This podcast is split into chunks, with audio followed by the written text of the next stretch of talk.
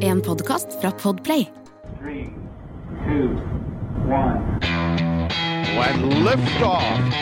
One, two, three, four, five, five, four, three, two, one. Enter bed.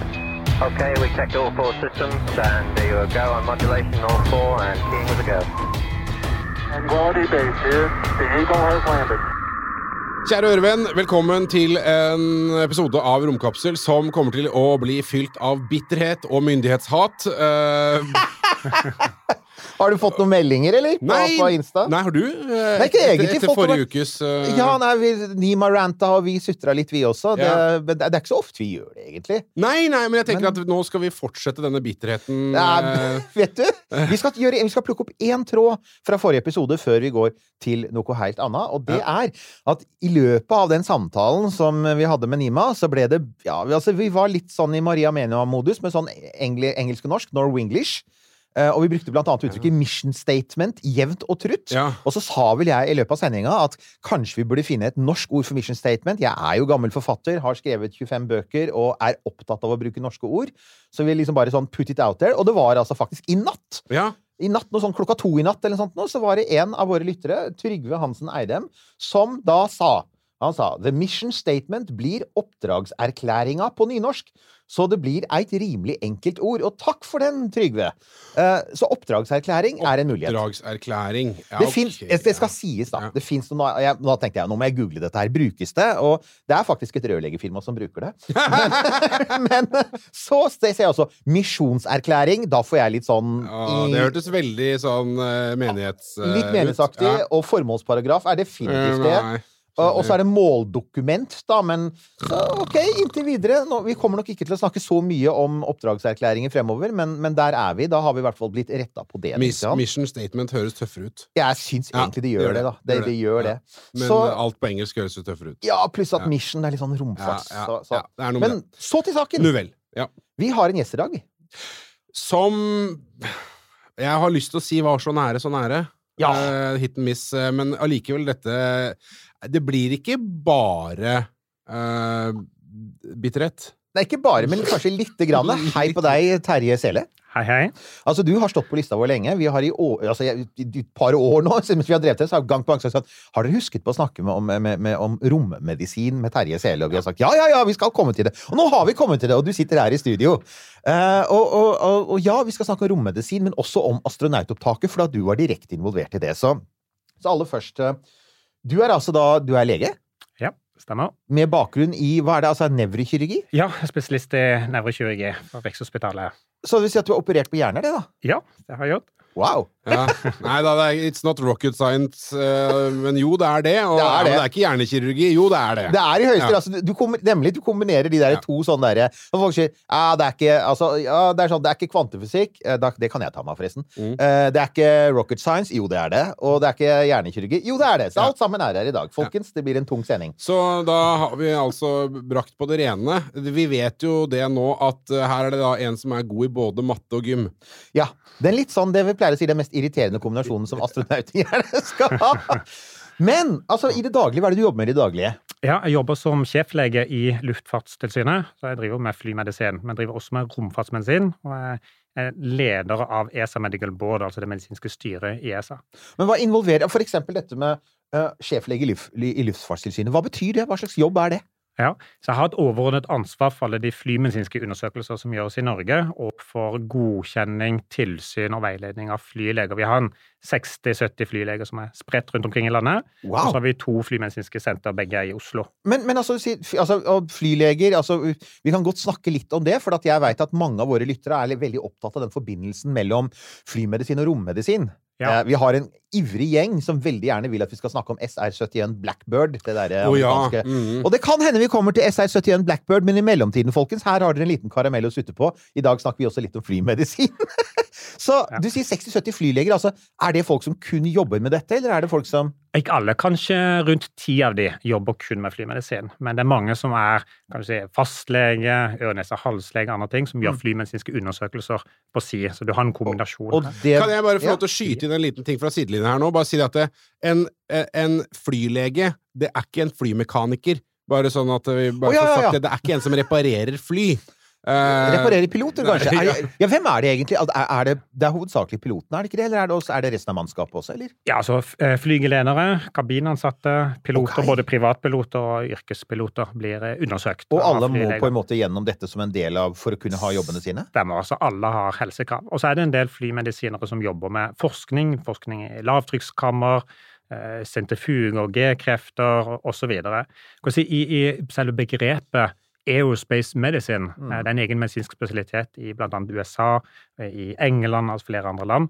Eh, Den kombinerer flymedisin og romfartsmedisin, så de overlapper hverandre.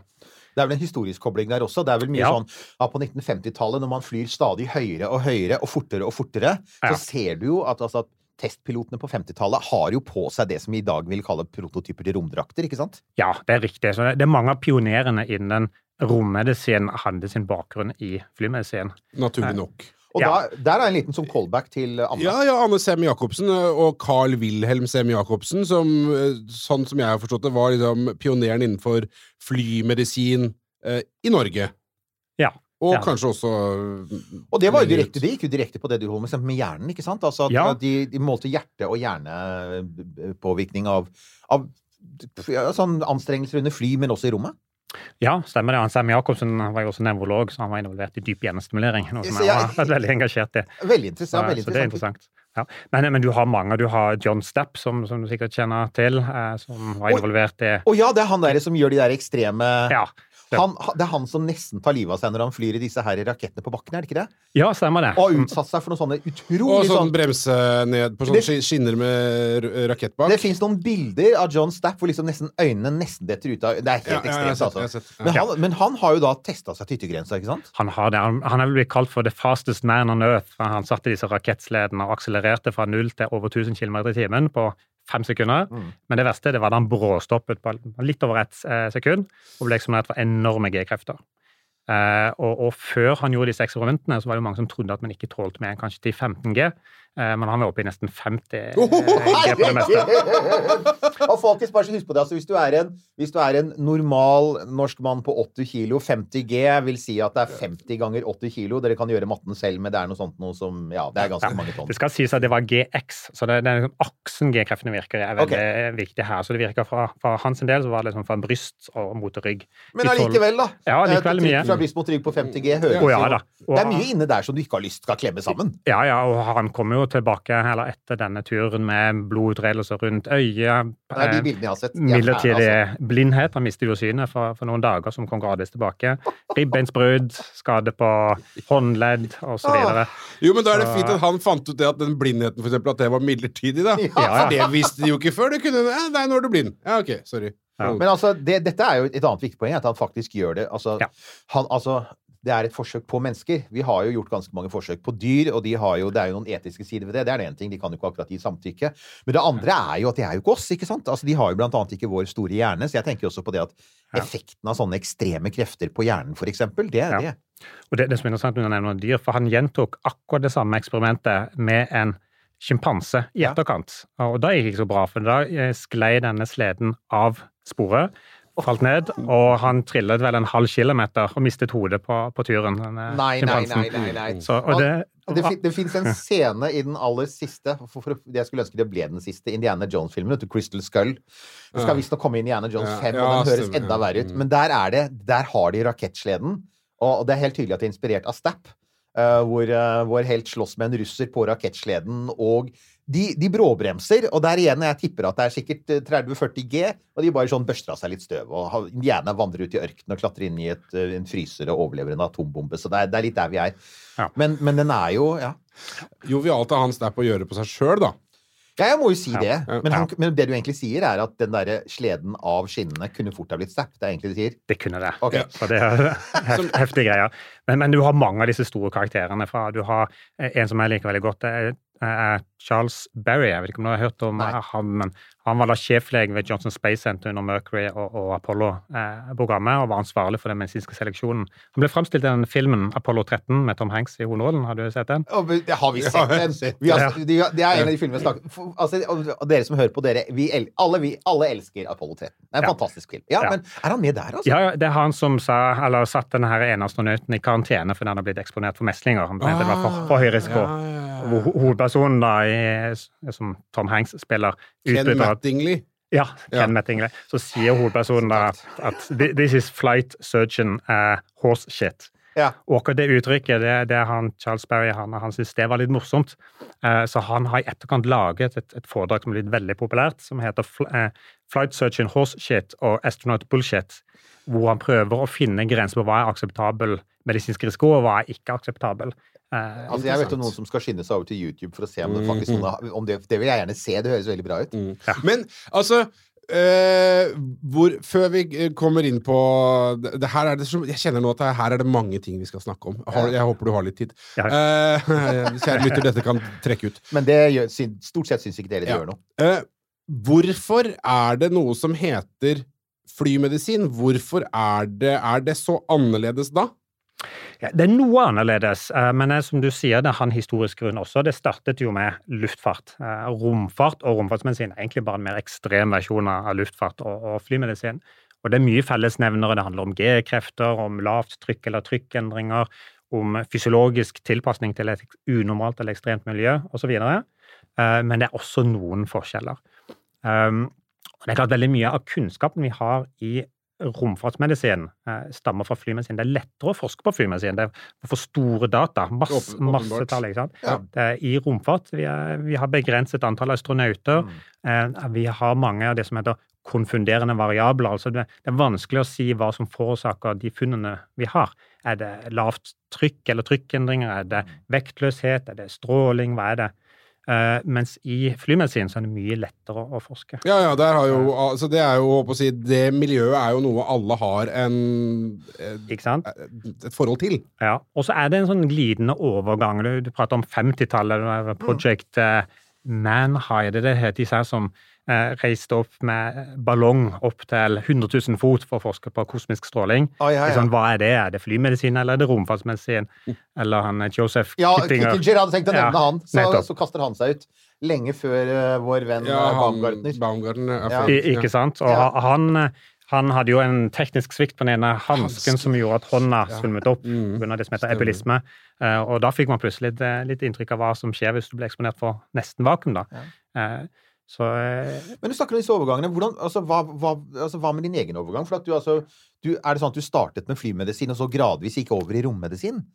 Eh, og i så fall, hva, hva er det som altså det, Vi pleier ofte å spørre folk når de altså velger å jobbe med rommet. da. Er liksom, var det noe spesielt for deg? Altså, var det en sånn, eh, var det en sånn barndomsfascinasjon eller sånt, noe som gjorde at du sier OK, wow, jeg, jeg, altså, rommet må jeg bare jobbe med? Ja, det er, altså, det er flere aspekter her. Verdensrommet i seg selv er utrolig fascinerende. Har alltid likt eh, utforskning av det ukjente. Eh, Da jeg var liten, så var jeg veldig glad i å lese om de store oppdagerne. Altså Marco Polo, Columbus, eh, polarfarerne osv. Eh, og det å utforske verdensrommet, det er jo det er virkelig next frontier. Men jeg er også fascinert av utforskning av dype havet, og, og hjernen er jo også mystisk. Det er en del fellesnevnere her. Um, og når det gjelder flymedisin Jeg, tok grunnkurs i flymedisin for 20 år siden, lenge siden. Eh, og grunnen til at jeg gjorde det, er egentlig at jeg har en- bakgrunn eh, som høyfjellsklatrer. Jeg liker å tilbringe litt tid i tynn luft eh, høyt oppe i fjellet. Og på grunnkurs i flymedisin så lærer man jo litt mer om hypobar påvirkning, altså hva som skjer når du eksponeres for lavt atmosfærisk trykk. Uh, hvor, høyt har du vært? Eh, 7000 Oi! Hva er det? Hva er 7000? Hvor er vi da? Aconcagua, Okay, oh, ja, ja, Sør-Amerika, ja. Er ikke det det Å, ja. høyeste Det er det, ja, det høyeste utenfor Himalaya, faktisk. Ja. Eh, og så har jeg tilbrakt en, en litt tid i Himalaya på en topp mellom fem og syv. Det var det jeg tenkte å si. Har du noen ambisjoner, eller har du noen ambisjoner om for eksempel K2 eller Everest eller et eller annet sånt nå? Er du der? Eh, ikke sant? Det, var- det, det handler litt om risiko. Det gjør det. K2 mener jeg får høy risiko i Ja, forhold til hva jeg får tilbake. Er. Everest, litt sånn på grensen. kan du si at er Risikoen ved Everest er omtrent det samme som ble skutt ut i rommet. Altså man sier det er en 1-1,5 sjanse for, for å stryke med. da. Mm. Eh, og så vil jeg si at det er kanskje mer verdt å dra ut i rommet for den risikoen enn å gå på toppen av Everest. da. Så Dette er et godt poeng. Det er, flere, det, er, det er flere folk som har vært på toppen av Everest eh, enn da, som har vært i Ja, verdensrommet. pluss at Ja. noe, noe av problemet nå er vel at, det er at problemet er ikke nødvendigvis fjellet, men køen opp. ikke sant? Altså At Ja. du risikerer å stå bak 200 andre som skal opp til samme sted. Og Ja. kan og stå og bli innmari kald og bruke opp oksygenet ditt. Jeg har jo skjønt at det har vært noen sånne men, men så er det da denne altså, Så er det det medisinske styret til ESA, ESA Medical Board. Og igjen, hvordan på en måte Hva er banen fra flymedisin i Norge til ESA Medical Board. Hvordan skjer det? Altså, er det noe man søker på, eller er det noen som, noen som ringer deg? Det kommer en telefon en sen kveld som sier ja? Jeg kan si, først var min billett inn i romfarten og egentlig min doktorgrad, som jeg tok eh, på Rikshospitalet, i trykk i hodet, trykk i hjernen, for det viser å være et veldig hot topic i Det må vi komme tilbake til. Ja. Eh, og på en fly- og romfartsmedisinsk eh, konferanse i USA så, så kom jeg i kontakt med en del fra NASA eh, og presenterte min forskning og ble invitert til Johnson Space Center og tilbrakte litt tid der.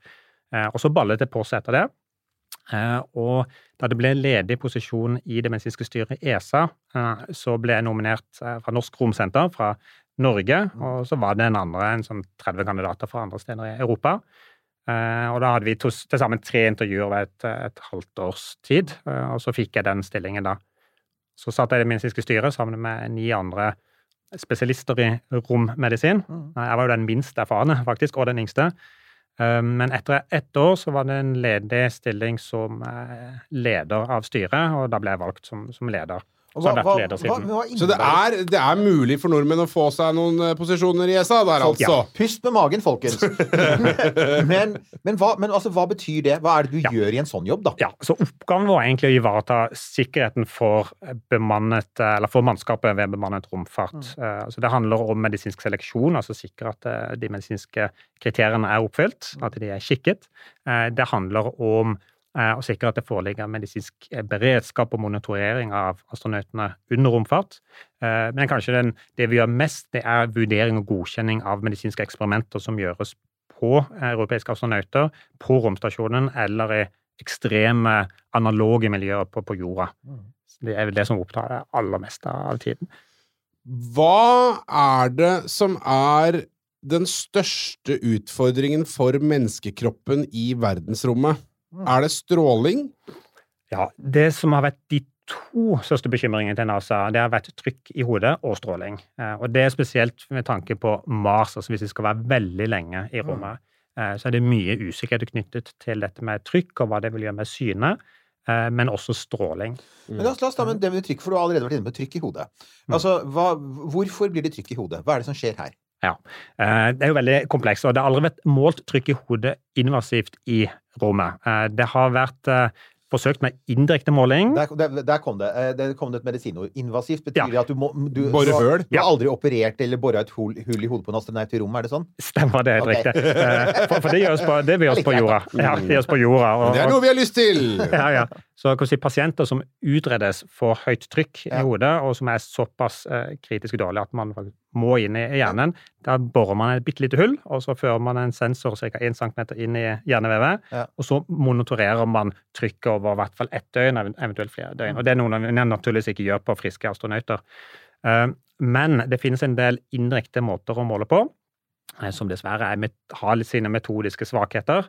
Eh, Men det er så blitt målt i ryggen på astronauter som kommer tilbake med det som heter spinalpunksjon, hvor man fører en, en liten kanyle inn i ryggmargskanalen og, og måler trykket. Har dere fremdeles lyst til å bli astronauter, folk? Ja. Ja. Ja, Og den viser at det til og med flere uker etter det er tilbake på jorda, så har man funnet for høyt trykk.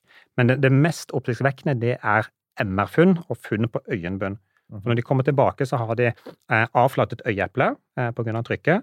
De har noe som heter papilledem, som betyr hevelse i eh, synsnerven der den kommer inn i netthinnen, som er et veldig dramatisk funn eh, hvis du finner det på pasienter på sykehuset. Mhm. Eh, en hevelse i øyenervekjeden. Flatklemt hypofyse. oh. Noe som heter empty celler-syndrom, eller en, tom hypofysegrupp, hy- hypofysegrop, Og det er et typisk tegn på høyt trykk i, hjernen. Hvor, hva, hva kommer trykket av? Er det vektløsheten? Sant? Man tror det er vektløsheten. Eh, Det er veldig mye som vektløsheten forårsaker som kan bidra til, til høyt Ja, trykk. for altså, ja, det man umiddelbart tenker, er OK, eh, du, du svever fritt. Det er ikke lenger sånn at blodet trekkes ned i beina. Så når hjertet pumper blodet, så, så vil det kanskje treffe hjernen med større kraft når det går opp i altså, Det er sånn som man umiddelbart tenker seg, da. Og du kan jo se på bilder av astronauter at de får sånn månefjes, ikke sant? Ja, puffy face. Puffy face. Og da Ja. tenker jeg, det, Så det logiske ville da være at å ja, det er mer blod i hodet, og da betyr det at det er høyere trykk. Men det er ikke helt sikkert, altså. Eh, Det er, mer, det er mer komplekst enn som så. Altså, jeg kan prøve å forklare dette med puffy face. Og, Ja, ja, for, for, for når vi står på bakken, så har, da er vi jo egentlig en levende vannsøyle. Eh, og vi har den, er en hydrostatisk igjen fra toppen av hodet og ned til beina. Så blodtrykket i beina kan jo være nærmere 200 mm kvikksølv, mens det er kanskje 60-70, kanskje 80 mm kvikksølv i hodet. Uh, wow, ok. Visste du det, Nils Johan? Nei, jeg, nå er jeg bare Tre, det er tre ganger høyere blodtrykk i beina enn i hjernen, er det du sier? Når vi står oppreist Ja, på bakken. Ja. Men så drar du ut i, i rommet og blir eksponert for vektløshet eller mikrogravitasjon. Og disse gradientene forsvinner. Mhm. Eh, og da vil du få det som heter fluid shift, altså blod og væske eh, beveger seg fra nedre del av kroppen til øvre del av kroppen. Ja. Og det vil trigge andre ting, blant annet så når, når blodet fyller opp hjertet, så vil det sette strekk på hjertemuskulaturen, og det får hjertemuskulaturen til å skille ut noe som heter ANP, eller atrialt natriuretisk peptid. Så bare si hva hvis jeg begynner å bli Nei, nei, for nei, er detaljert. Dette her er fascinerende. Eh, og den øker permeabiliteten, eller kan vi si, lekkasjen i blodkar, slik at væske siver fra blodet ut i kroppsvevet, og blant annet gir en sånn puffy face, eh, eller hevelse i ansiktet. Kroppen er så Ok, så, så du, du blir det egentlig bare et svært blåmerke? Ja, spesielt i, i starten. Det er klart det er de første ukene hvor dette er mest uttalt. Men det har andre konsekvenser, fordi det som da skjer, er at du får høyere konsentrasjon av røde blodceller i blodet, fordi væsken siver ut. Og da trigger du noe som heter neocytolyse. Det er egentlig akkurat samme som skjer hvis du har vært lenge i høyfjellet og kommer ned til havnivå. Og det at milten fjerner de røde blodcellene for å normalisere konsentrasjonen. Så du mister også blod. Så etter det har gått én til to uker, eh, så har du mistet kanskje 15-20 av blodvolumet. I kroppen altså en astronaut i romstasjonen. Stemmer det. Så de er anemiske, altså de har blodmangel, og de har hypovolemi, altså for lite væske. Men er dette en prosess som er pågående, eller flater den ut? Det må Den flater gjøre, ut, ja. ville vært tomme Den flater ut. Helt riktig. Den okay. flater ut. Eh, Så det er en prosess som pågår de første ukene, og så finner de et nytt setpoint. Og antagelig så er ikke det noe stort problem i rommet, men det er et problem når de kommer tilbake til jorda. Mm. Eh, Det er også Og ja, for da, blir, da blir, vil det da være permanent lavere? Ikke permanent, men så det er bare de, i starten når de kommer tilbake til jorda, så Ja. har de det som heter ortostatisk intoleranse, hvor dette er en av årsakene til at de har problemer med å reise seg opp, bli lett svimmel videre. Akkurat, ja, for ortostatisk, det er det, er det balansesystemet må gjøre? Nei, det handler om å, å reise seg opp, stående stilling. Ok. Og hvis vi skal til Mars, så kan du tenke deg at du har vært ni måneder vektløs, og så skal du lande på Mars. Da settes det mye mer eh, krav til autonomi eller evnen til å lande dette fartøyet i eh, partiell gravitasjon. Ikke sant, for at du blir ikke da møtt av en haug med flymedisinere. Eller rommedisinere. Altså, de der klassiske er jo disse her bildene fra Kasakhstan, ikke sant. Og de er altså Uansett hva man mener om russerne ellers, men måten de lander på, er litt sånn Den er litt episk. Det kommer folk ridende på hest med, med spyd, og så kommer det masse leger i helikopter, og så blir du båret ut. Jeg så ut. en eh, sånn eh, film, eh, dokumentar om dette her. De som drev og jakta på disse kapslene som landa ut på steppene i Kasakhstan. Ja. Og det var litt sånn på måfå. Så satt de seg i noen sånne kule offroad vehicles, og så kjørte de ut, og ja, da lander de omtrent der. Og nå vet vi jo hvorfor de alltid ser så grå ut, eh, de astronautene som kommer ut. Det er jo rett og slett fordi de er anemiske så det ljomer etter. Ikke sant? Og blir da båret ut og satt i en stol og sitter der og prøver å, å, å, å hvile seg. Og du tenker vent nå litt, særlig de første som skal til Mars, de skal jo rett i gang med jobb, de. Ja. De skal jo faktisk sette opp habitater, få på plass, få opp solceller. Og hvis de da har vært i rommet i ni måneder og er anemiske og muskelsvekka og beinskjøre og det ene med det andre, og alle disse andre sånne der som du er inne på nå Altså, kroppen er sånn komplisert system, Nils Johan. Ja, Det er, sånn der, det er som en sånn derre å ja, du tenker ja, nei, det var bare litt mer blod i hjernen. Nei, nei, nei, det trigger masse peptider og blodceller og Ja, vær så god, der Ja. kommer det mer. Ja, beklager, vi, vi spurte, litt av. eh, Vi pratet om trykk i hodet. Ja, eh, Og, og, men i hvert fall dette viser at det er mindre blod totalt. Men det er relativt mer blod i brysthulen. Mhm. Eh, Og det, vi ser at det, ble, det påvirker drenasjen av blod fra hjernen. Okay. Og i det var i 2019 så ble det publisert en studie hvor man hadde, hadde gjort ultralyd av disse store venene på halsen av en rekke astronauter. Og halvparten av astronautene viste tegn til eh, stagnert bevegelse av denne, det blodet, det venøse blodet. Hos 20% så så man til og med en reversert eh, retning av blodflowen. Så det gikk blod tilbake til hodet. Det høres kanskje ikke så bra ut. Nei, det er ikke bra, det, og det har jo absolutt vakt litt bekymring. Eh, I tillegg så har man pga. væske, eller omfordeling av væske, så ser man også at cerebrospinal væske, dvs. Si denne eh, væsken som hjernen bader i, og som går ned i ryggmargskanalen, den fordeler seg fra ryggen opp til hodet, så man får også mer hjernevæske i hodet, som kan bidra til høyt trykk. Uh, og I tillegg så er det veldig høyt CO2-nivå på, på romstasjonen, og karbondioksid, eller CO2 det ja, du, der var det, det var, der var det faktisk et Men ord unnskyld meg. Uh, da Her må det jo Altså, det er høyt CO2-nivå, trykk i hjernen min Hyperkapnia. Hypokapni, stemmer det? Og hy- hypokapni det medfører en utvidelse av blodkarrieren. Det er en sånn vasodilatator som også bidrar til, til økt trykk. Men altså, det må, her, dette er jo et subpart eh, arbeidsmiljø for eh, avanserte oppgaver. Altså når du i tillegg har, du har høyt CO2-nivå, eh, og du, du i tillegg har mindre blod til hjernen, som fører til mindre oksygen til hjernen, i en, en omgivelse som i utgangspunktet har mindre oksygen, for det er høyt, mye CO2. Altså, du, du må jo være på et eller annet sånn slags nivå av dopa hele veien her, da. Altså, du blir sløv. Ja, Ja, det er et innmari godt poeng. Blir Ja. man sløv? ja, av CO2 så kan man bli det, men du må opp i en, en viss konsentrasjon i blodet før, før det, du påvirker det. Apollo 13 var vel der. Fordi på slutten der, de sleit jo en periode med, med å få vaska ut CO2. Ja, det, jeg tror det var målt 14,9 mm kvikksølv i Apollo 13. Kan si, her rundt oss nå så ligger vi kanskje på 0,3 mm kvikksølv. Altså det er vel 0,23 hvis du er i frisk luft ute. Eh, på romstasjonen så ligger det stort sett mellom 3 og 5 mm kvikksølv, altså mer enn ti ganger det som vi eksponeres for her. Men så har man det som heter CO2-pockets. altså det På grunn av at ikke du har noe eh, konveksjon eller bevegelse av, av luften, mm. med unntak av der du har vifter, så vil du kunne få områder som er dårlig ventilert, hvor det kan samle seg CO2. Og hvis en astronaut jobber lenge i de områdene, så kan CO2-nivået stige. Ja, og er det ikke da også sånn at hvis ikke det er god ventilasjon, så Altså hvis, hvis eh, hun puster ut Altså puster ut CO2-rik luft fra lungene, og den da ikke trekkes vekk fra henne, så, Så kan hun hun inn risikere igjen.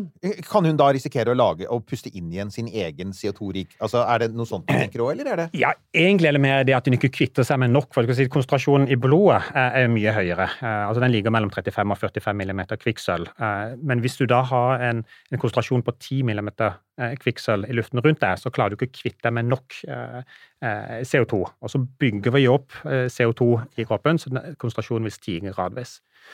Jeg var, jeg var ikke klar over at det var såpass høyt i romstasjonen. Kan vi det- bare forklare dette med Du, du refererer tilbake til det kvikksølvet ja, hva, hva, hva, hva, hva Ja. er det for noe? Ja, det er ulike måter å måle trykk på. Eh, Millimeter kvikksølv er jo noe f.eks. en atmosfære. Det tilsvarer 750 millimeter kvikksølv. Mhm. Eller 14,3 PSI er det vel. Du har kilopascal, du har Ja, det er PSI, ja, du har veldig mange enheter. Så, Men, men, men det, det, det viktige her er altså at, at i romstasjonen så er normalen er ti ganger mer enn det som er i et typisk norsk rom, for eksempel, eller sånn typisk norsk stue. ja. Og, CO2. Og, eh, Mm. CO2. Og, og det over lang tid kan det nivået som da for eksempel er i type romstasjonen, og som vi også må, kanskje må forvente vil da være i romskip til Mars, og kanskje til og med, hvis ikke man er forsiktig, i habitater på Mars, at vi må regne med konstant litt høyere CO2, kan det ha en effekt? 1202. ja, så man tror at det kan ha en effekt på trykket i hodet. Eh, disse mer akutte stigninger, hvis de jobber i en sånn CO2-pockets, det kan gi effekter der og da, og det ser vi av og til hos astronauter som har jobbet eh, lenge i en viss del av romstasjonen, at de får problemer med svimmelhet, hodepine, de kan bli engstelige, for det kan trigge en angstfornemmelse, og eh, tungpusthet. Eh, og hvis de får disse symptomene, så er ofte diagnosen veldig enkel eh, å stille, for det er såpass eh, vanlig. Eh, men det er litt mer lett for høyt CO2 over lang tid. Det er mer bekymringsverdig i forhold til trykk i hodet. Men det er bare én av faktorene som kan bidra til høyt trykk. Ja, og, så, og, det, og det er liksom Og det er da og, så i tillegg så kommer det som du var inne på med stråling, ikke sant? Jo, jo. For det er den andre tingen, og den er jo Altså, du har jo ulike typer stråling. Du har den strålinga du får fra sola, du har stråling fra jordas strålingsbelter, men når du kommer ut i rommet, så er det jo da kanskje mye den galaktiske, kosmiske strålingen, denne eh, disse energirike partiklene, som er overalt i rommet. Altså, det, det, det er hele rommet er gjennomsyret av det, og det er en bakgrunnsstråling som er der. Og, og den, er, den veit vi jo at NASA og ESA er veldig bekymra for, for der har man vel satt en øvre liksom, sånn grense for hvor med hvor lenge astronauter kan Altså hvor, hvor mange timer de kan fly før de på en måte passerer den.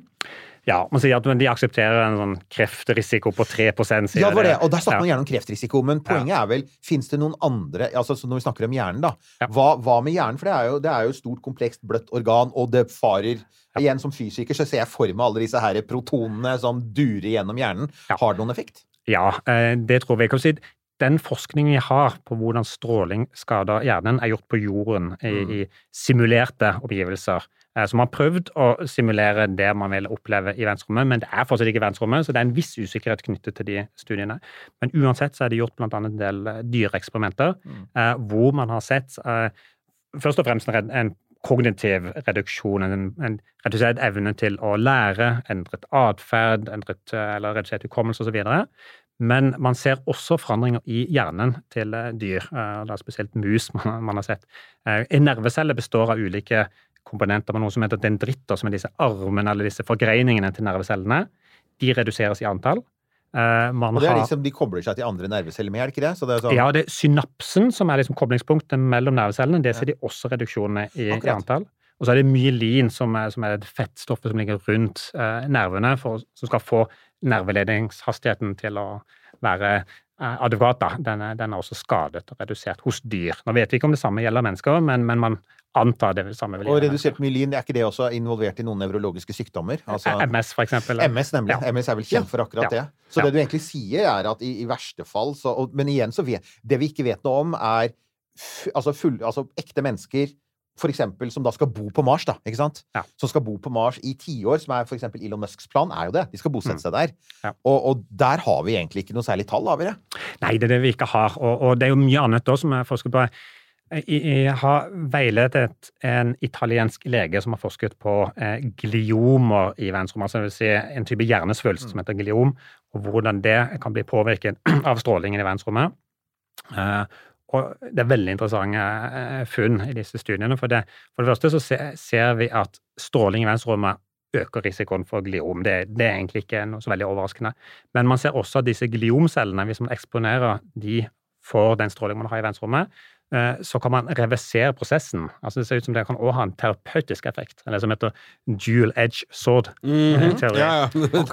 Så, så det, er, det er veldig kompleks, akkurat denne her men, samspillet. men-. Her, hvis vi snakker om dette her med, med, med Mars da, og skulle oppholde seg over lang tid, så har man jo Man må jo ha fått noe erfaring fra de astronautene som har vært eh, på romstasjonen i lange perioder, altså de som har vært oppe der et års tid og og vel så det. Ja, det, det som du var inne på, er at det meste av forskningen er egentlig fra romstasjonen, som er beskyttet av Det er det. fa i Ja. det Ja. geomagnetiske feltet. Så de har Ja. ikke blitt eksponert for like mye Nei. stråling som når de skal nok ut. Ikke sant? Og, og, og vi kommer jo til å få dette her, for at NASA altså vi, vi har jo nå I det siste har det vært snakket mye om Artemis og Orion. Eh, Og Orion-kapselen er bygd for å være lenge ute.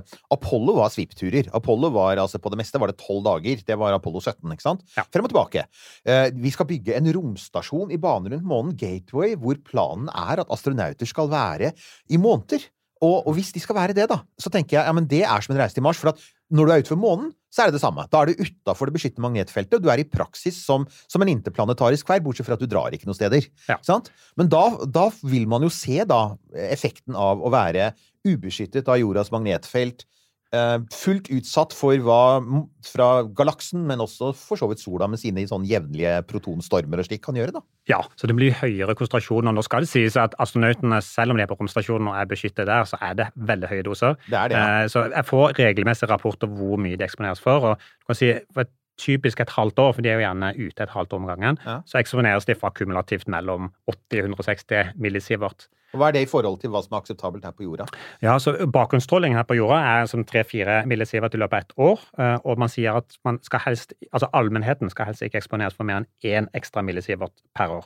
Eh, Og, de som, og det er et helt år. Mm. Og de som jobber med stråling, altså strålearbeidere, de har en yrkesgrense på 20 millisievert på et helt år. Og her snakker vi om hva Og var her snakker Du var jo oppe i 160, var du det? Ja, mellom 80 og 160 på et halvt år. Ja, nettopp. Mhm, ja. Og det er altså det er, det er der hvor det er beskytta, så må man tenke seg hvordan det da blir når du reiser utover. Og, Jo, ja. men, og dette har, vi jo, dette har vi jo vært innom tidligere, for da er det jo sånn at eh, når du For eksempel de som har vært eh, på romstasjonen da, i et år, da har du på en måte brukt opp Da blir det ikke mer verdensrom på deg. For da er du ferdig, eh, Ja, ikke sant? Ikke sant? Ja, hvordan er det egentlig med det? For at du har jo Rekorden er jo altså Sovjeterne har vel en rekord. Det var en fyr som var oppe i, i Mir i, eh, i over et år. Ja. Eh, sammenhengende. Ja. Men, men jeg, jeg antar jo at når du da kommer ned derfra, så har du, da har du passert noen kvoter. Ja, så det er klart det handler om alder, det handler om kjønn, og så handler det om akkumulativ eksponering. Og så kan de estimere hva er risikoene, men da er det kreftrisikoen de, de, Mm, de baserer det på. Og da har de en grense på, på 3 Det er en veldig teoretisk grense, mm. men, men, eh, men det er likevel det som brukes i dag. Ja. Og så handler jo altså alt romfart handler jo egentlig om nesten hvilken risiko er vi aksepterer vi? Altså hva er vi villige til å ta? For det, det, det, det er klart, aksepterer man høy risiko, så kunne vi jo dratt til Mars nå. Eh, Det handler bare om når er, når er vi såpass trygge på at dette her kommer til å gå, gå bra. Ja, og der er vi jo inne på et interessant moment, tenker jeg. Fordi eh, vel vitende om alle disse tinga, eh, så tenkte du allikevel at hm, dette er jeg hypp på. Ja. Eh, Ja. fordi, det, fordi det, jeg bare umiddelbart så slår, jeg meg, slår det meg at de som tenker har en sånn astronautdrøm, er kanskje ikke fullt informert uh, da. Altså man, jeg vil anta at man blir det etter hvert, i en eller annen prosess. I en eller annen utdannelsesprosess. Men, men du vet det. Men allikevel tenkte jeg ja, dette skal jeg jo slå til på. Ja, og, og det er et interessant poeng, for jeg har jo møtt veldig mange kandidater under astronautseleksjonene som da ikke har den samme innsikten i hva som skjer med kroppen. Men, øh, men et, man skal ikke overdrive heller disse Nei. konsekvensene. Det, det er klart, det er, det er mye jeg er veldig glad i å dykke. Eh, Det er ikke, Å gå i høyfjellet, som vi prater om, det er heller ikke bra for, for verken hjernen eller, eller kroppen. Dødssonen. De snakker om dødssonen på Discovery, det vet jeg. Ja. Så, men- ja. Jo, jo, men altså, og så er det jo et begrep her som er viktig å huske på. Altså, jeg, jeg har jo jeg datt over noen sånne der, eh, vitenskapelige artikler i forbindelse med researchen her, og der, der snakkes det mye om disse her, som du sier, de ulike delene av hjernene, hvordan de kan påvirkes i rommet av stråling og vektløshet. Men det snakkes også om nevroplastisitet, ikke sant? Altså dette med at hjernen er et organ som kan tilpasse seg, og, og det, kan, det kan gå tilbake til mer normal tilstand, men det kan også lage nye strukturer og sånn, ikke sant? Er det ikke det? Jo, det er riktig. Eh, Så noen av disse forandringene vi ser, for eksempel eh, hjernebarken, man ser at den blir litt mindre eh, hos en del astronauter. Permanent? Eh? Antagelig ikke. Man tror mest sannsynlig, men det, man vet ikke med sikkerhet, men mest sannsynlig så er dette relatert til eh, væskedynamikken og disse trykkforholdene, og, og noe som heter compliance, eller redusert compliance, eller en stivere hjerne. Eh, og vi ser disse væskehulrommene som er inni hjernen, de blåser seg opp, eh, og egentlig identisk med det man ser hos pasienter med diagnosen hydrocefalus, eller vannhode. Akkurat. Eh, og, og, men noe av disse, dette ser man går i hvert fall til dels tilbake. Nå har ikke disse oppfølgingsstudiene vært lange nok til at man kan se om det går helt tilbake, eller om det er bare delvis tilbake. Men det er også forandringer som man ser i hjernen som ikke går tilbake. altså Man har eh, lesjoner eller skader i hjernen som man vet er permanente. Eh, det er eh, det som heter hvit substans, som er litt dypere deler av hjernen. Der har man sett en del eh, flekker altså uspesifikke lesjoner i hvit substans, er det man kaller det. Uh, Det hørtes og- ikke bra ut i det hele tatt. Nei. U, alt som er medisin og uspesifikk Ja, ja, ja, det er sånn ja. Nei, nei, nei. Men, men, men dette ble man først oppmerksom på hos U2-piloter som fla, igjen tilbake til flymedisin, som fløy veldig høyt, uh, høyt opp. Altså de, de fløy på 21 uh, 000 meter og hadde kabintrykk tilsvarende 9000 meter. Altså de var eksponert for veldig lavt trykk. Nå pusta de 100% oksygen, så de var ikke hypoksiske, dvs. Si de hadde nok oksygen, Mm. men de var utsatt for trykkendringer. Og hos de så fant man altså en del lesjoner eller skader i hjernen etter de har flydd. Så gjentok man denne, dette prosjektet på lavtrykkskammerinstruktører, fant det samme. Man gjentok det på dykkere, man fant det samme. Mm. Og så gjorde man det på astronauter og fant det samme. Og da var egentlig teorien at dette var relatert til eh, ikke vektløshet, ikke stråling, men eh, trykkendringer. Altså når du tar på deg eh, EMU-drakten og blir utsatt for 4,3 PSI, eller Olan-drakten med 5,8 PSI, så, så skjer det en Dette Det er romdrakter. Dette vet våre lyttere, vi bare sier det. Ja, ja, Ja, EMU ja. og Olan, ja. Ikke sant? Eh, og de bruker også en del tid på å dykke og trene eh, disse, så det kan jo hende at noe av dette er pga. dykkingen. Men her syns jeg det er et veldig interessant poeng, fordi siden jeg er interessert i høyfjellet, har tilbrakt litt tid oppe i høyfjellet, så har jeg også prøvd å holde meg litt à jour på hva som skjer innen høyfjellsmedisin. Der har det blitt publisert noen artikler som egentlig viser nesten de samme funnene hos høyfjellsklatrere. Eh, og, og i disse artiklene eh, så har de forklart forandringene ikke på bakgrunn av trykkfall, fordi at det, man, blir ikke, man får ikke trykkfallsyke når man går i fjellet, for du går langsomt opp, men der har de prøvd å forklare det som et resultat av lavt oksygentrykk, altså hypoksi. Men autopilotene og dykkerne og astronautene de blir ikke eksponert for hypoksi. Så man har to ulike teorier, men så ser det veldig likt ut. Så spørsmålet er om dette kan ha noe med det unormale trykkforholdene å gjøre i seg selv. da. Mm. Eh, Konklusjonen er at eh, kroppen trives best eh, sånn omtrentlig på havnivå. Eh, give or take noen, noen meter, der, der liker vi oss aller best. Ja, vi er jo et resultat av evolusjon gjennom veldig lang tid, hvor Ikke sant? egentlig vi ikke, Ikke har sant? Det var det jeg tenkte også. Det er en grunn til at vi ikke har vinger. Ja. Ja, men altså, ikke sant? Altså, For fire milliarder år så har vi tilpassa oss en del ting, og så er kroppene våre disse her dynamiske systemene med alle disse her merkelige feedback-effektene og stoffene som kan frigjøres og lage Og som du sier, det, er- det, jeg syns jo det mest fascinerende her er at vi ennå ikke er sikre på hvorfor. Fordi igjen, det umiddelbare du tenker er å ja, du, blod flyter til hjernen, høyere trykk. Nei, så enkelt er det ikke. Men sånn er det jo alltid i vitenskapen. Mm, men altså, det er et spørsmål her nå, da. For at uh, Usikkerhet her man har funnet ting, uh, er ikke helt sikker. Konklusjonen mm, tvilsom. Det man har gjort eh, studier i liksom, uh, tilnærmet like forhold. Eh, men hvor, i hvor stor grad eh, forsker man på, gjør man eksperimenter på kroppen på astronautene som faktisk er eh, i verdensrommet? Altså, hvor mye probing er det? Masse. Masse. Både i verdensrommet, men også før og etter, selvfølgelig. Så det er veldig mye av den tiden de tilbringer på ISS, er jo forskning, og veldig mye av det er medisinsk forskning. Så det er klart det er, det er tight schedule. De står opp klokka syv, og så er det en lang dag med masse forskning. Det er jo verdens dyreste laboratorium, ISS. Og det er veldig mye av den forskningen man gjør der, både medisinsk forskning og annen forskning, som ikke kan gjøres på jorda. Man trenger det, Ja. det miljøet. Jo, men altså, de bruker sine egne kropper. Det gjør det. Ja, ja, det gjør det. Og jeg vil jo tro at eh, Artemis, da, etter hvert som det blir mer av disse lange ferdene utafor magnetfeltet og mer ut i et sånn interplanetarisk miljø, så vil man jo også få langt flere resultater av det. Ja. For det igjen, der har, vi, der har vi jo rett og slett for lite data. Altså, man har jo mange teorier om hva som vil skje, men det, er- man har litt lite data.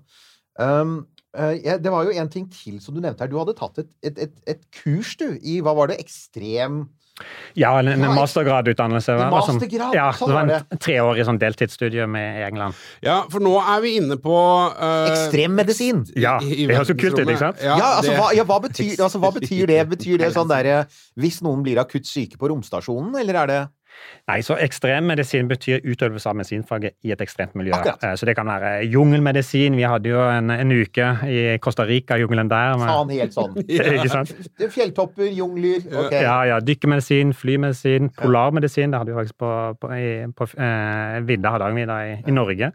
Eh, og ja, høyfjell osv. Og, så og det er en del fellesnevner mellom disse miljøene. Det er klart det er noen særegenheter. Mm. Altså eh, forebygging av høydesyke i høyfjell eller behandling av slangebitt i jungelen osv. Men det å utøve medisin i ekstremt miljø med lite hjelpemidler, altså improvisert medisin, Mm. eh, teamarbeid under stress, og fysiologi, hvordan fysiologien i kroppen kan påvirkes av det, det ytre, eh, det, det ytre miljøet. Det er veldig mye fellesnevnere. Er, er isola, altså, isolasjon er jo også en ting man snakker om i denne Ja, forbindelsen. ja. Ikke sant? Altså, isolasjon, Det er sånn to ting som man, man, man lett for å glemme. Det ene er f.eks. døgnrytme, med at Ja. man ofte er på steder hvor, altså særlig romstasjonen, hvor det er liksom soloppgang hvert 90. minutt. Men det andre er dette med å være isolert i et lite, trangt rom sammen med noen få mennesker over ekstremt lange perioder. Ja. Har det en effekt på, på, på hjernene våre?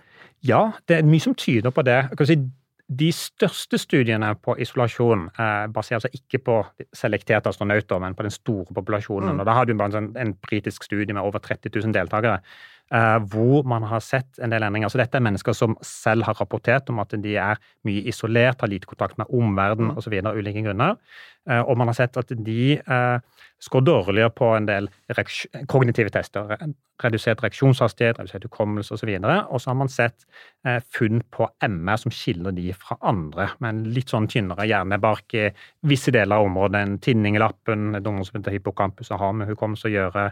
Eh, Frontallappen eller pannelappen, som har med planlegging av aktiviteter å gjøre osv. Og så Hver eneste ting vi har nevnt her, er ting som er direkte relevante for Mars. Som vi er opptatt av, som mange er opptatt av. Og det er sånn, ikke sant? Ja, det er isolasjon, det er stråling, det er, det er ikke vektløshet, det er lav G. Vi veit ikke fremdeles hva en tredjedels G gjør over tid. Og, og dette her med, med noen få mennesker, og, og kanskje til og med søvnvansker, fordi at døgnet er 24,5 timer langt, ikke 24 timer. Alle disse tingene. Og da, da lurer jeg sånn Tror du i det hele tatt det er realistisk at folk kan altså, For det er jo det mange av oss er opptatt av, er det at det kanskje blir mulig å bosette seg på Mars? Altså, Hvor realistisk er det at folk ikke reiser dit og utforsker? Det veit vi, det kan vi. Det, det, det vil koste litt, men vi kan gjøre det. Men faktisk å, å, å bo der permanent, da, og kanskje til og med få barn der? Jeg tror det er realistisk. Eh, Det er nok en del uh, ting vi må gjøre i forkant. eh, En del mitigerende tiltak, men jeg tror absolutt det er realistisk. Uh, det, er samtidig ingenting vi vet med sikkerhet, så igjen, det handler om hvilken risiko man er villig til å ta. Men, men jeg tror hvis vi ser historisk på dette, så, så vet vi at flere ganger tidligere så har man overestimert risiko, eller man har underestimert kroppens evne til å tilpasse seg Mm. ekstremt miljø. For, for 100 år siden var det mange fysiologer som sa at det er umulig å komme seg til toppen av Everest.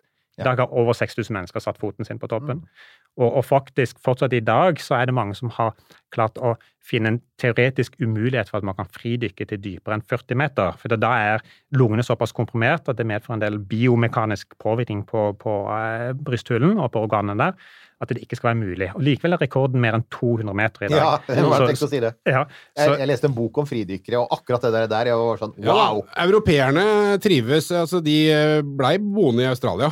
Så ikke sant, man eh, tilpasser seg. Det bor jo folk overalt, Ja, ja, ja, ja. inklusive på Antarktisplatået. Det er jo noe der jeg også tenker Altså, sånn, sånn Det går an. Ja, ja. Uh, McMurdo-basen, de tørre dalene i, uh, i Antarktis som er så like Mars som vi bare kan komme. Det er jo fascinerende, da. Ikke sant? Og, og, og som du er inne på, der kan man også få veldig mye data. Det gjøres veldig mye studier i ekstreme miljø. Og, og når vi snakker om isolasjon, så har man bl.a. blant annet Mars 500-prosjektet. Jeg vet ikke Ja. kjenner til det? Ja, ja, ja. Seks individer som er isolert i ett og et halvt år. Ja, fin podkast som finnes der ute om det, faktisk. Eh, Gøyal å høre på. Ok. Og det er ikke vi som har laget den? Det er ikke Nei, nei, det er, det er ikke Ja, vi men det, som har var, laga det, var, det. det, er- Missed opportunity, det må vi få gjort. Og en annen type studie som jeg tenker jeg bør kommentere, fordi jeg nevnte på tidligere podkast at det er vel ingen som driver med sånne her bedrest-studier i dag, hvor man ligger eh, Ah, ja, det ukevis. Men det er det. Nevnt, eh, ja, det er det, ja. Ja, det er ja. det. Anne, Og- Anne nevnte det, nemlig. eh, de som ble liggende i en seng i Stemmer det. tid. Så man har studier hvor man ligger opptil ti uker i strekk med hodet hellet ned nedover. Det som er head down tilt bedrest studies. Både NASA og ESA Mm. driver med det. Og det er klart De kompenseres ganske bra. De, de får vel en Mm. 100 000 kroner i, i måneden. Eh, men da skal de da ligge, de skal spise liggende, de dusjer liggende, de trener liggende.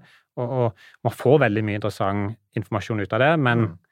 om det hadde passert etisk komité i Norge, det vet jeg ikke, men dette gjøres i hvert fall i annet Tyskland, i USA og flere andre land. Mm. Så det gjøres ekstreme studier også i dag. Men eh, jeg, jeg, vi må litt tilbake til dette her med den ekstreme medisinen. Fra de ekstreme studiene til den ekstreme medisinen.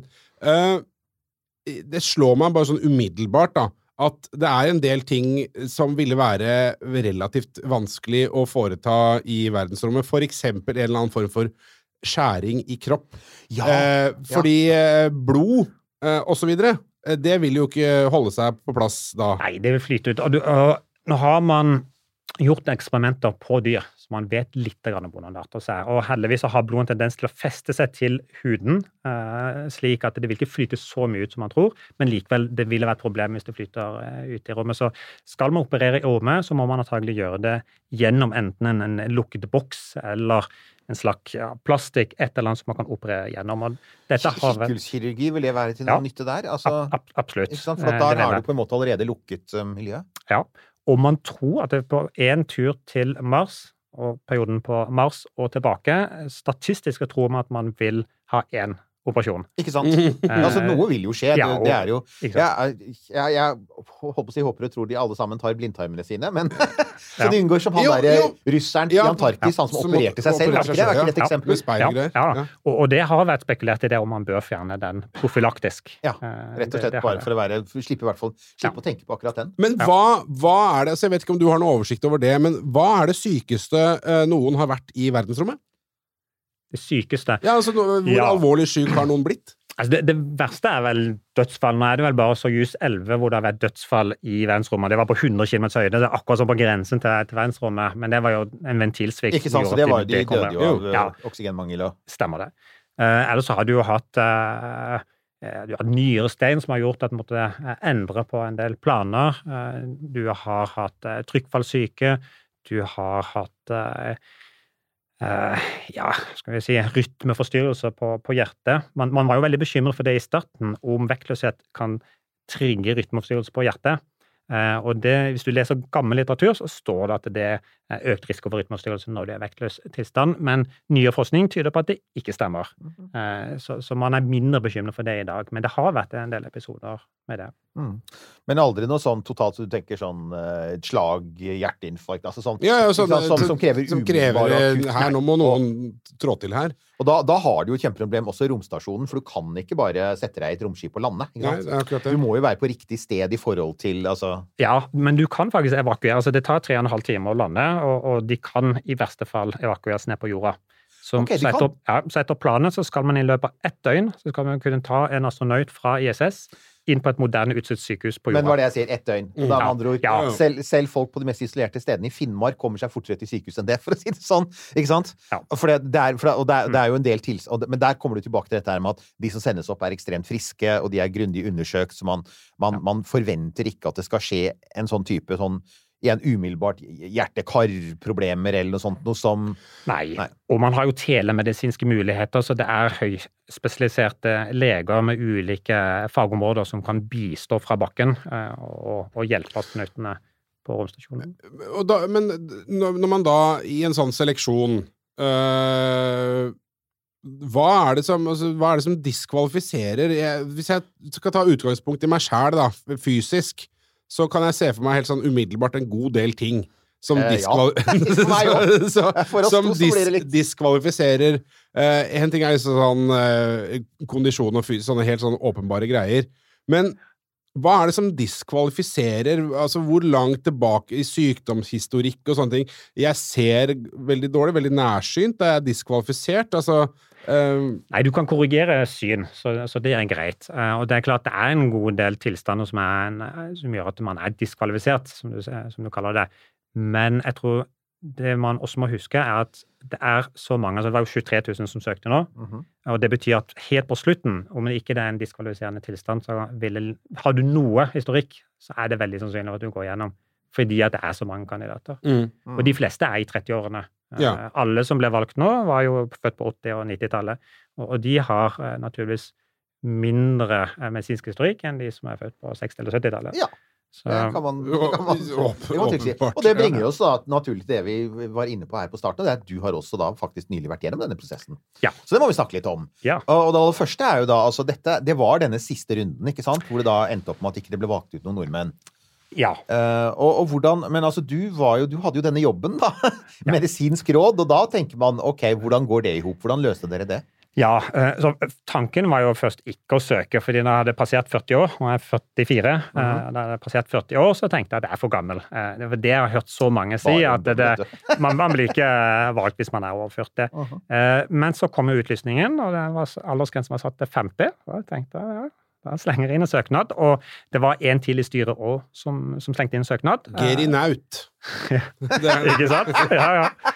Eh, Så, så, men vi hørte jo oss eh, selvfølgelig med ESA er det OK eller ikke OK, og det var ikke noe problem. For ESA Medical Board de er kun involvert helt på slutten.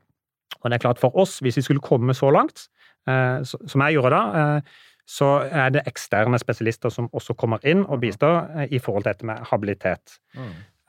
Så, så det var ikke noe problem. Eh, Så vi, vi kunne søke. 1202. Men, da, men altså, da kan vi jo for så vidt bare snakke oss litt gjennom hvordan var prosessen, da? Altså, du søker. Og hva skjer så? Altså i tilfelle, For det var hva var det igjen? Det var 319-320 nordmenn som søkte.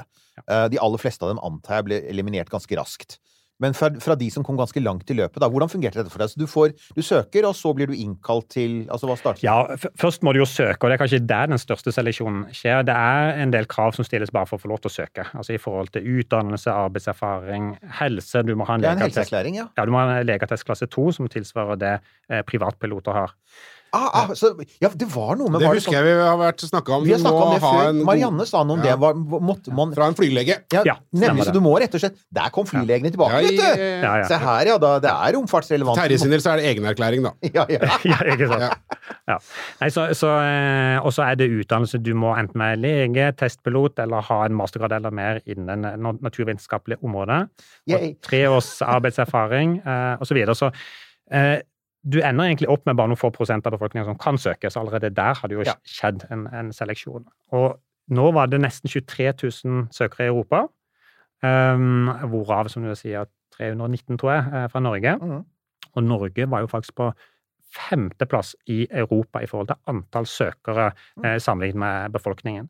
Så, så det var mange søkere fra Norge, Ja. og det var mange veldig godt kvalifiserte. Jeg har møtt mange, og jeg har møtt veldig mange som ikke gikk videre til fase eh, 2, Mhm. eh, som, som var, veldig imponerende. Så, altså, så det er ulike faser her, så hva er fase én, da? Det er liksom Ja, det er, det én. grunntrinnet? Stemmer så fase 1. Da vurderer man alle kandidatene på bakgrunn av CV, eh, selve motivasjonsbrevet, hvorfor vil han bli astronaut, osv. Mhm. Eh, Og så var det spørreskjema på, på flere sider med masse ulike spørsmål som man, man skulle svare på.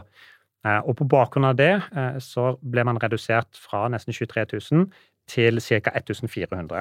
Oi, såpass allerede Og, der, ja! og, Allerede og da, enda, da har du enda ikke hatt noe møte med noen i altså, Så du, det er, dette er altså Ok, ja, den er hardcore. Og den er hardcore! Ja, ja. Så det der, den CV-en og det motivasjonsbrevet, det skal være Det være bra. Og Det skal det. Og, og det er klart, da jeg møtte opp i Hamburg på disse testene i, i fase to, Ja. de menneskene jeg møtte der, altså der hadde jo ja, kvantefysikere, personer med to doktorgrader, hadde møtt en, en ubåtkaptein som også var elektroingeniør, testpilot som også eh, var sivilingeniør, en veterinær som tilfeldigvis hadde en doktorgrad i astrofysikk. Eh, det er sånn, Hva skjedde? Hva- Unnskyld, hva skjedde der? Ja, ja. Altså, jeg, jeg, altså, jeg er kattemann er katt- og ja, det astrofysiker, ja, så jeg, jeg kan, jeg det, kan så- helt se den, Nils Johan. Men du, ja, altså, så, så, så du kom gjennom da fase én, du har kommet gjennom liksom papirfasen. Ja. Og så er det da, som du sier, så er det fase to er da Ja, så det består av eh, kognitive, tekniske og motoriske tester. Eh, Så det var, Jeg kan ikke gå i detaljer, vi har signert på, okay, på at ikke men- vi kan det, men jeg kan si litt sånn Men kognitiv er hjernen, ikke sant? Ja, ja, det er det. Og jeg kan også gå inn på sånn type, for, for dette er egentlig tilgjengelig informasjon. Altså man, man ser på eh, hukommelse, man ser på simultankapasitet, hvor du skal gjøre flere ting på en gang. Eh, hoderegning og problemoppgaver, fysikk. Mhm. Eh, ja, romforståelse. Eh, persepsjon. Det er liksom du får se ting, og så skal du prøve å få med deg så mye som mulig på en liten tid. Uh, ja, og så videre. En del sånn øye-hånd-koordinasjon, en del dataspill. Så det var flere områder, og det som var viktig her, det er å ikke score under middels på noe. Altså Du trenger ikke være briljant på, på alt, og, og hvis du er briljant på alt, men scorer dårlig på én, så er du ute. Mm. Så her er det med bredden som er, som er viktig. Uh, og da var vi jeg lurer på om vi var 18 nordmenn uh, på den, av- de ja, 1400. Ok. Og det var ca. en fjerdedel, eller 400 av 1400, som gikk videre eh, til fase tre. Det, det, det, høres, det, det høres mer og mer hardcore ut. Fase tre. Kommer vi snart i sentrifugen? Sant? Eh, Fase tre var det eh, som de kalte soft skills. For de startet da med hard skills, Mhm. Og så gikk de over til neste fase, som var soft skills. Eh, Og da var det i, i Köln. Alt dette var Det meste var i Tyskland, og noen hadde noe i, i, i Frankrike, men ellers var det meste i Tyskland. Og ESA dekket alt. Reise, opphold, mm. middag, hele pakka.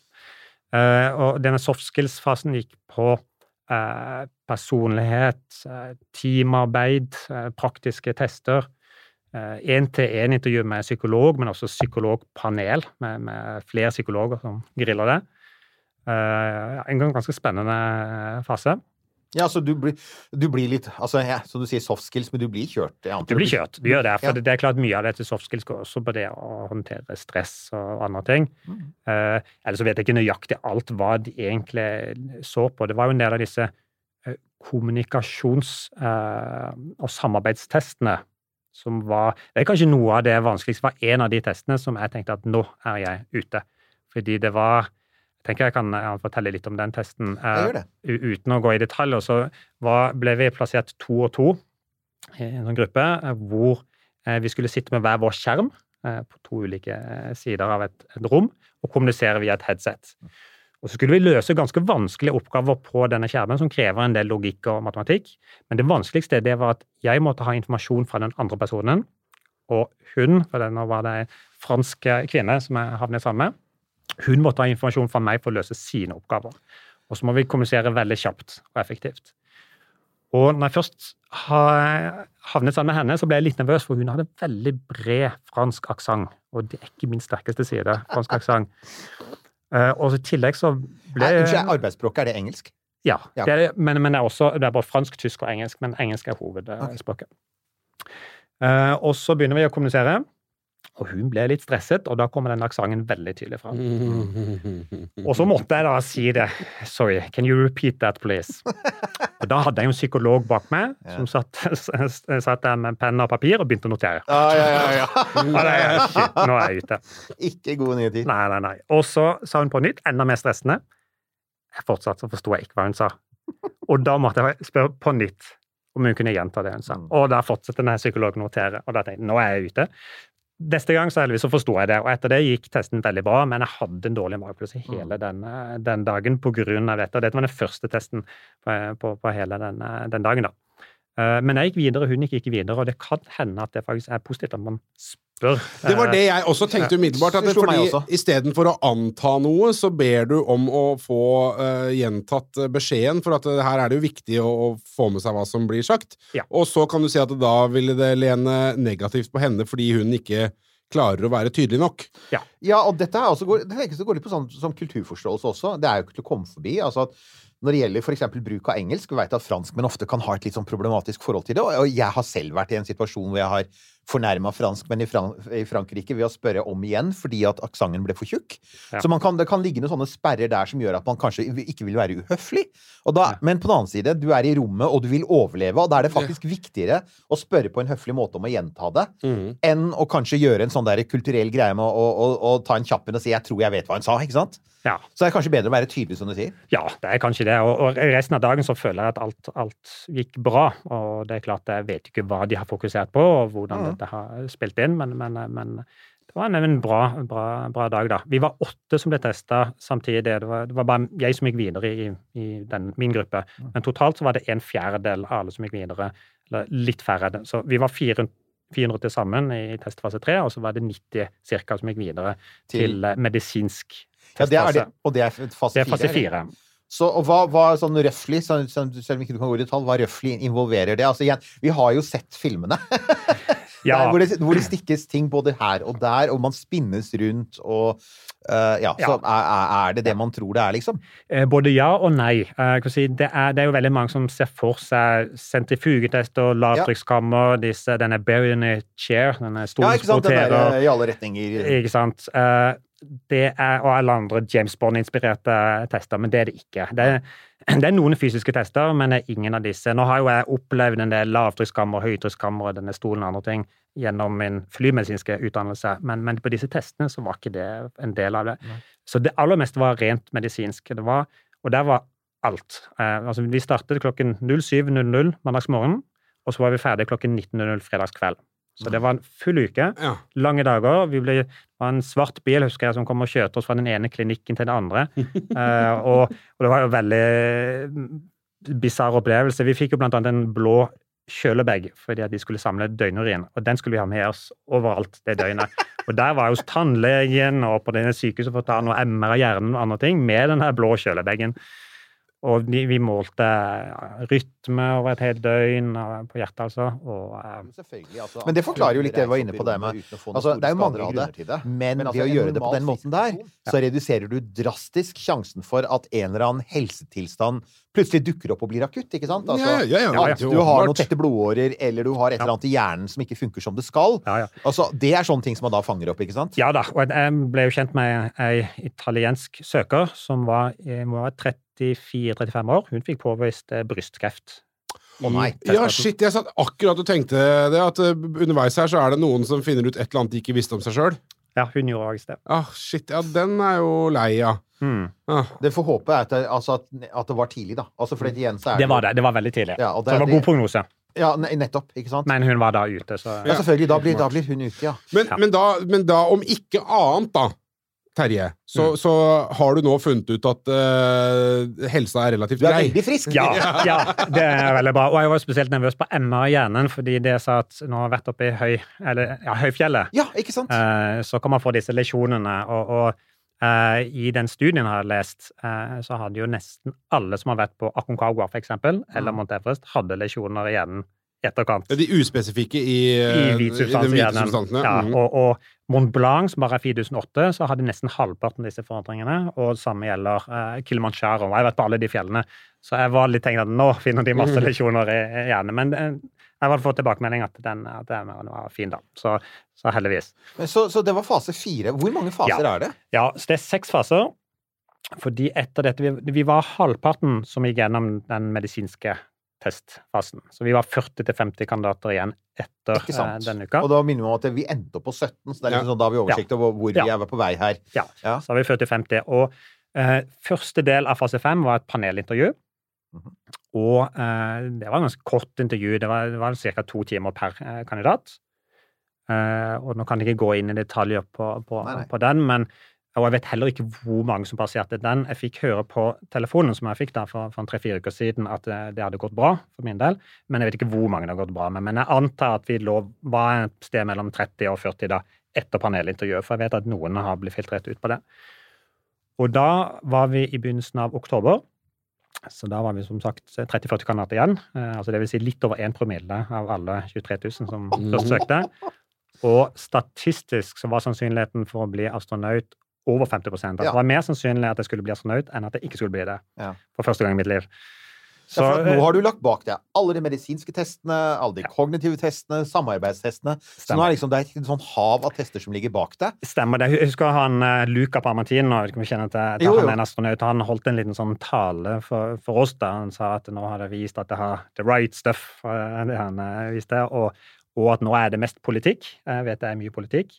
Eh, Men det er klart Det, De hadde Nima rett i, altså. Mhm. At det er politikk. Ja, ja, ja. ja. Og, og det er de åpne på, at det er politikk. Eh, Det handler om kjønn, det handler om hvilket land du kommer fra, og, og, og hvordan teamet skal sammen, eh, settes sammen. Da. Altså, man trenger ikke bare leger eller bare fysikere. Um, men så har man også det medisinske styret, som da var involvert akkurat i den fasen mellom fase fem og fase seks.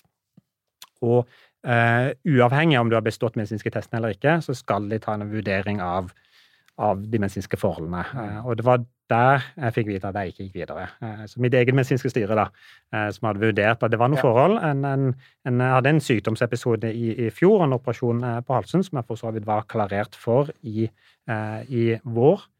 Men noen i styret hadde visstnok vurdert at det var noe usikkerhet knyttet til det, slik at jeg ikke gikk videre. Mm.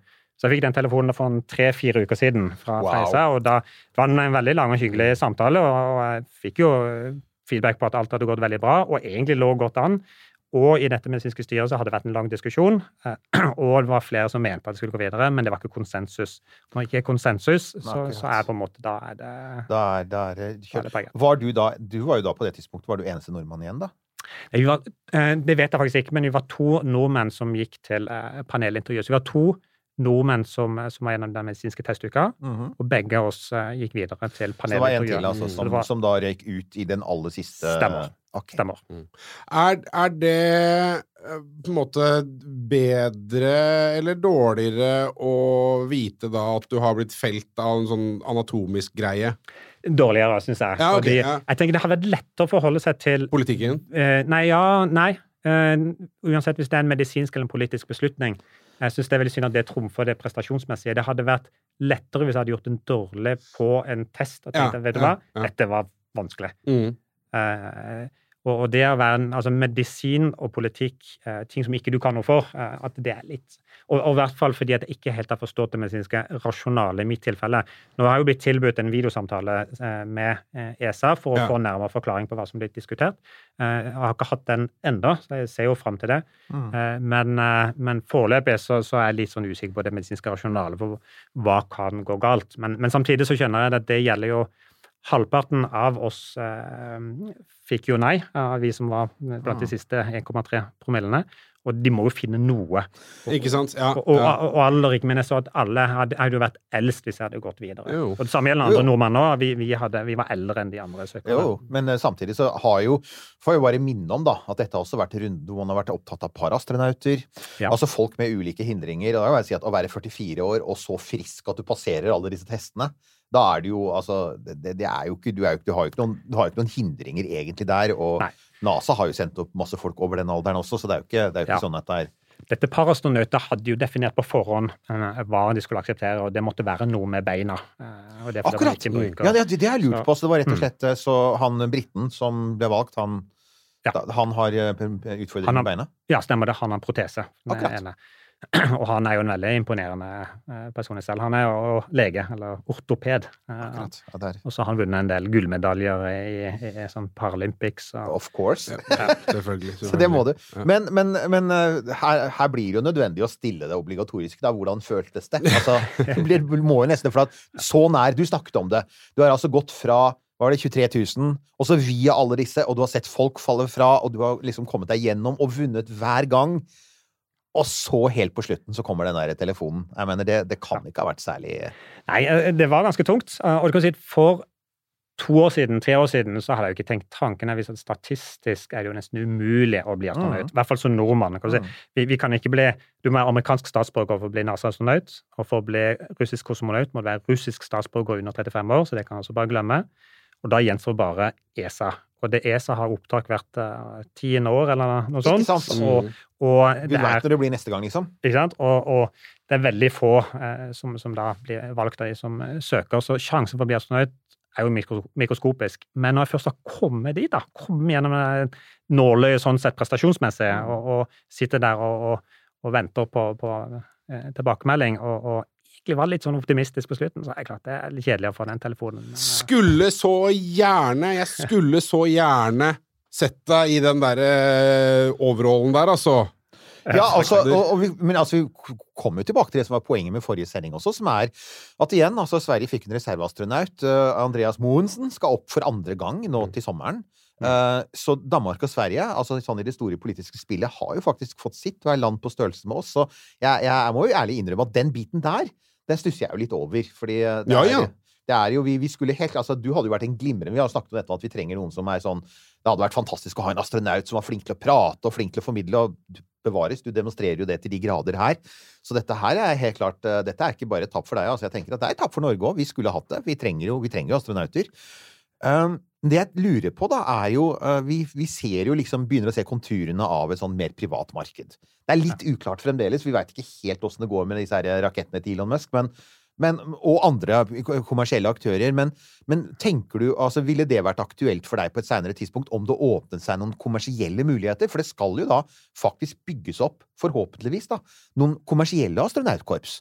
Og de kommer til å trenge noen, selv om alle kan kjøpe seg opp i rommet, så kommer de jo faktisk til å trenge blant annet noen leger.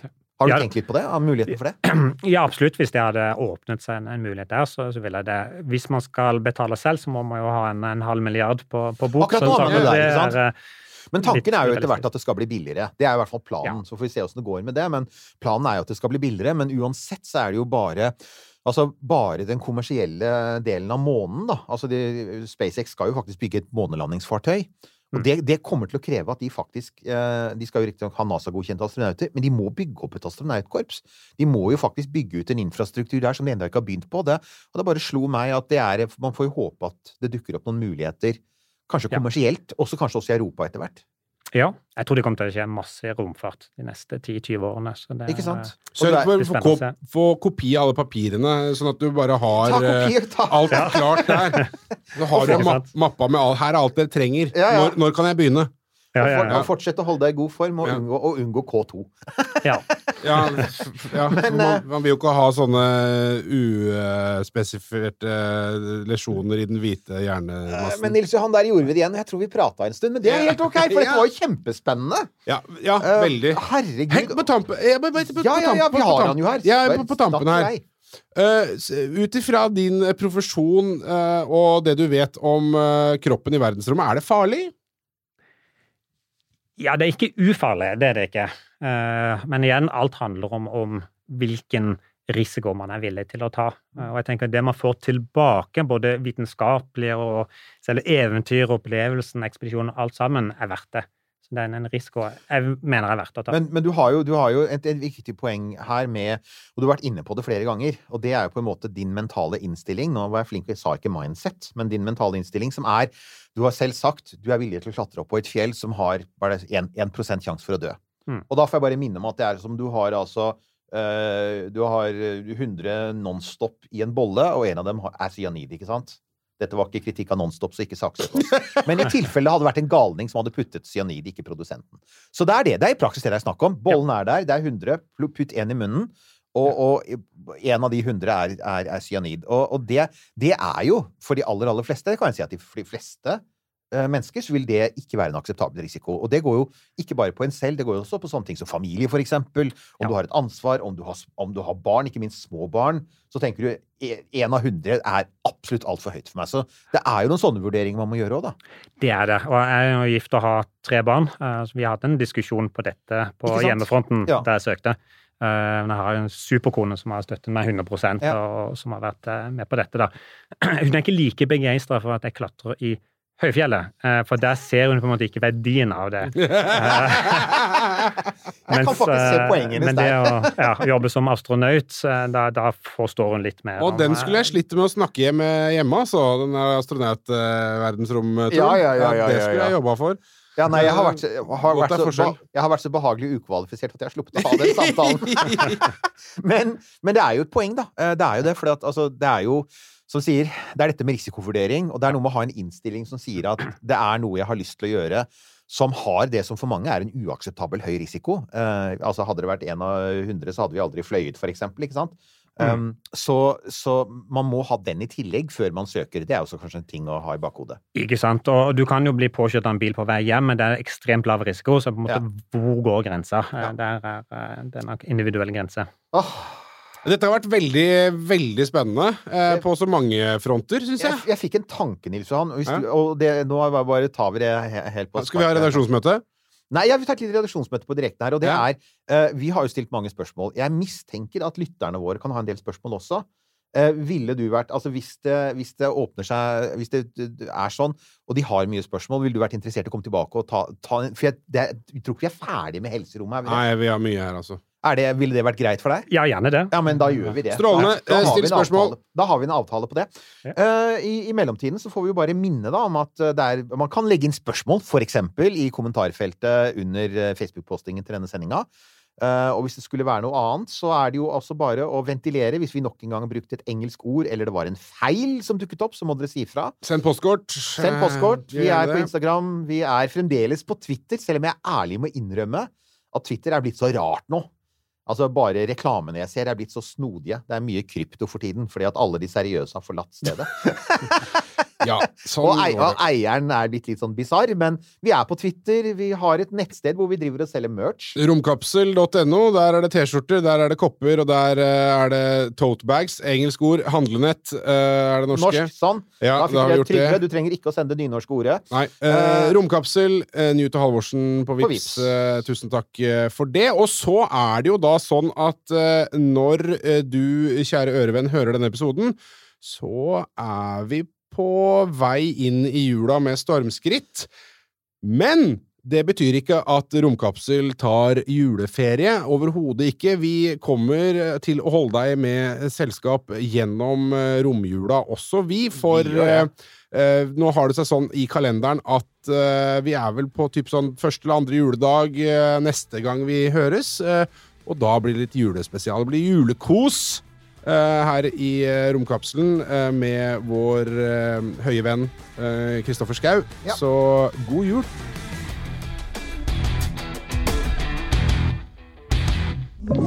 Du har hørt en podkast fra Podplay. En enklere måte å høre podkast på. Last ned appen Podplay, eller se podplay.no.